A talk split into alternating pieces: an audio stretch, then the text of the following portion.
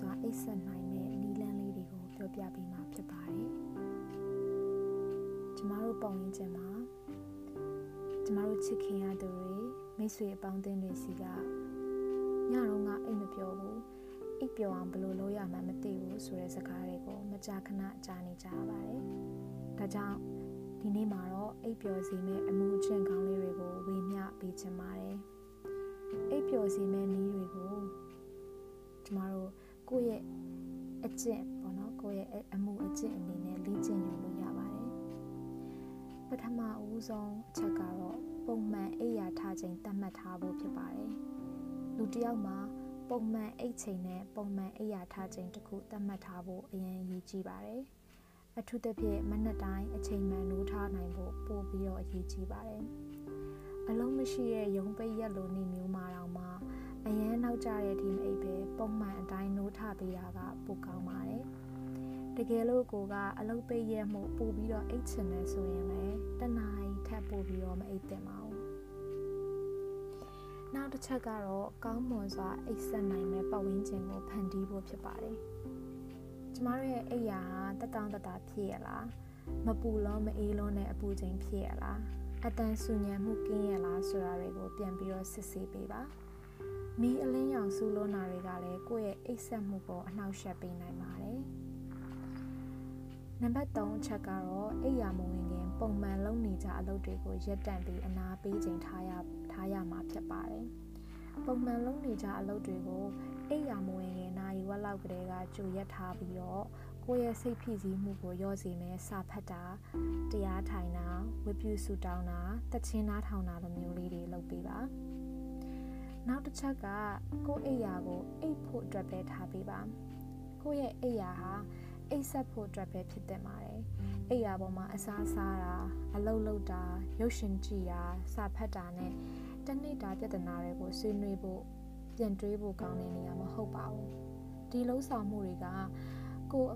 ကောင်းကောင်းအိတ်ဆက်နိုင်ဖို့ကိုအနှောက်အယှက်ဖြစ်စေပါလိမ့်မယ်အိမ်ငိုက်မဲ့အစားပေါ့နော်ကို ပို့ပြီးတော့မှနိုးကြတက်ကြွနေပါနေစေပါလိမ့်မယ်ဒါကြောင့်အဲ့ဒီကိစ္စတွေကိုလုပ်မယ်ဆိုရင်ကိုယ့်ရဲ့အိမ်ယာမဟုတ်တဲ့တခြားနေရာကိုရွေးချယ်ပြီးတော့လုပ်သင့်ပါတယ်နံပါတ်5အချက်ကတော့စိုးရိမ်သောကတွေကိုဖြေလျှော့ပေးဖို့ဖြစ်ပါတယ်အိတ်ဆက်မှုကိုအနှောက်အယှက်ပေးနိုင်ဆုံးကတော့ကိုယ့်ရဲ့စိုးရိမ်တော့ကပဲဖြစ်ပါတယ်လူတော်တော်များများကအိယာရဲကိုအပူတွေယူသွားတကြတယ်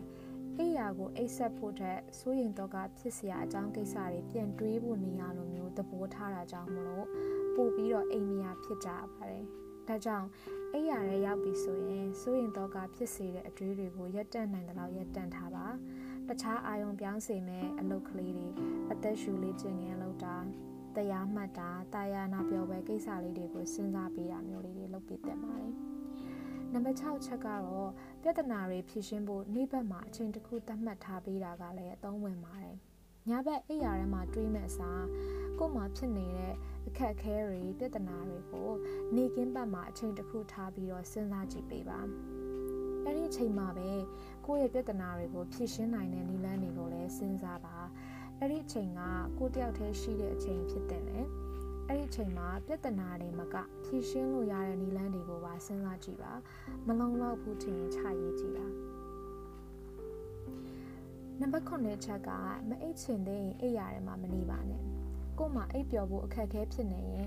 အိပ်ရာထဲမှာလှဲမနေပါနဲ့ဒီလိုပြောလို့ဒါဆိုရင်ဘလို့အိပ်ရမလဲလို့ထင်နိုင်ပါတယ်ကို့ခေါင်းထဲကိုစိုးရင်တော့ကဖြစ်စေတဲ့အတွေးတွေရောက်လာရင်ပဲဖြစ်ဖြစ် မျက်လုံးကြောင်ပြီးအိမ်မရရင်ပဲဖြစ်ဖြစ်ဟိုဘက်လှိမ့်ဒီဘက်လှိမ့်ဖြစ်နေရင်အိပ်ရာထဲကနေထားလိုက်ပါတန်းထိုးတာစာဖတ်တာပကြီးဆွဲတာတချင်းနားထောင်တာလိုမျိုးကိုယ့်ကိုငင်းချမ်းစေနိုင်တဲ့အလုပ်တစ်ခုခုထပ်ပြီးလုပ်လိုက်ပါမျက်လုံးဆင်းလာပြီးအိတ်ချင်စိတ်ဖြစ်လာမှအိပ်ရာတွေကိုပြန်ပြီးတော့ဝယ်ပါကို့အနေနဲ့ခဏခဏပြန်ထပြီးနောက်တစ်ခါအိပ်ရာတွေပြန်သွားရတာမျိုးလည်းဖြစ်နိုင်ပါတယ်ဒါပေမဲ့ဒီနီလန်အတိုင်းကျမတို့စူးစမ်းပြီးတော့လုပ်ကြည့်ရမှာဖြစ်ပါတယ် နံပါတ်၈အချက်ကနေခင်းဘက်မှာမအိပ်ပါနဲ့ညဘက်အိပ်ပျော်ဖို့အခက်ခဲမရှိတဲ့သူတွေအတွက်ကတော့နေခင်းဘက်တရေးတမောအိပ်တာကကောင်းပါတယ်ဒါပေမဲ့ညဘက်မှာအိပ်ပျော်ဖို့အခက်ခဲဖြစ်နေသူတွေအတွက်ကတော့နေခင်းဘက်ခဏအိပ်တာကိုရှောင်ထားသင့်ပါတယ်ဘာလို့လဲဆိုတော့နေကင်းဘက်အိတ်တာကပင်မနာတွေတက်တာသွားတဲ့အတွက်ညဘက်မှာကိုယ်ကိုနိုးကြတက်ကြွနေပါနေစေပါလိမ့်မယ် နံပါတ်9အချက်ကတော့ကော်ဖီနဲ့ကဖင်းဓာတ်နီကိုတင်အရက်မူးယစ်စေတဲ့ဆေးတွေကိုရှောင်ပေးပါကော်ဖီလက်ဖက်ရည်ကိုကာကိုလာဆန်အားဖြည့်အချိုရည်တွေတောက်တာကိုရှောင်ထားပေးပါအကယ်၍ကိုကမတောက်ဖဲမနေနိုင်ဘူးဆိုရင်တော့ညနေ၄နာရီနောက်ပိုင်းမှာမတောက်ဖြစ်အောင်ရှုစူးစမ်းပြီးတော့ရှောင်ပေးပါနီကိုရင်းကအန်ဒရီနယ်လင်လို့ခေါ်တဲ့ဟိုမုန်းတစ်မျိုးကိုထုတ်ပေးတာကြောင့်မလို့ကိုကိုနုနုကြကြနဲ့ဖြစ်နေစေပါတယ်။ ဒါကြောင့်မအိတ်ခင်တနားရီလောက်ထားပြီးတော့ဆက်လက်ကိုရှောင်ပေးပါ။နောက်ထပ်လူတော်တော်များများပြောကြတာကအကြောင်းပြကြတာကအိတ်ပျော်ဖို့အရက်တောက်တာဖြစ်ပါတယ်။အရက်တစ်ပတ်နှစ်ပတ်အဝိုင်းတစ်ခွက်နှစ်ခွက်လောက်ကကိုကိုစိတ်ပျော်တယ်လို့ဖြစ်စေပေမဲ့ခမများများတောက်လိုက်မိပြီဆိုရင်ကိုယ့်ရဲ့အိတ်ဆက်မှုကိုတေချာပေါက်အနှောင့်အယှက်ပေးလာတော့မှာပါ။ဒါကြောင့်ရှောင်းနိုင်ကောင်းပါတယ်အရက်တောက်ခြင်းကကိုယ့်ကိုအိပ်ပျော်စေမယ့်နည်းလမ်းကောင်းမဟုတ်ပါဘူး နံပါတ်30ကတော့အိတ်ဆေးတွေကိုကိုယ်ဆန္ဒနဲ့ကိုမတောက်ပါနဲ့အိတ်မပျော်လို့အိတ်ဆေးတောက်ရတယ်ဆိုတာရေတို့ဖြစ်ရှင်းနည်းပဲဖြစ်ပါတယ်ရေရှည်မှာကိုယ့်ကိုပြဿနာကြီးကြီးမားမားပေးပါလိမ့်မယ်အိတ်ဆေးအချိန်ပြည့်သွားတာနဲ့စိတ်ဝင်စိတ်တွေပိုပြီးတော့ဖြစ်လာစေတော့မှာပါ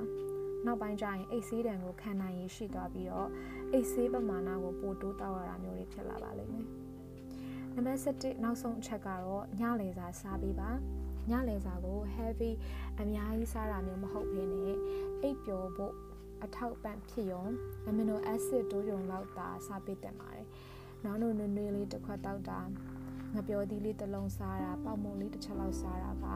ကိုယ့်ကိုအိပ်ပျော်ဖို့အတွက်အများကြီးထောက်ကူဖြစ်စေပါလိမ့်မယ်။ဒါကြောင့်ကျမတို့အခုပြောခဲ့တဲ့နီလန်းလေးတွေကိုတုံးပြီးတော့ကိုယ့်ရဲ့အိပ်ဆက်မှုပုံစံလေးတွေပြောင်းလဲနိုင်အောင်စူးစမ်းလို့ရပါတယ် ပို့ပြီးတော့မှကောင်းကောင်းအိပ်ဆက်နိုင်ဖို့အတွက်အမှုကျင့်လေးတွေပြောင်းတာပေါ့နော်စားတောက်နေထိုင်တဲ့ပုံစံလေးတွေပြောင်းတာနဲ့စပြီးတော့မှစူးစမ်းကြည့်လို့ရပါတယ်အားလုံးပဲကောင်းစွာအိပ်ဆက်နိုင်ကြပါစေကျေးဇူးအများကြီးတင်ပါတယ်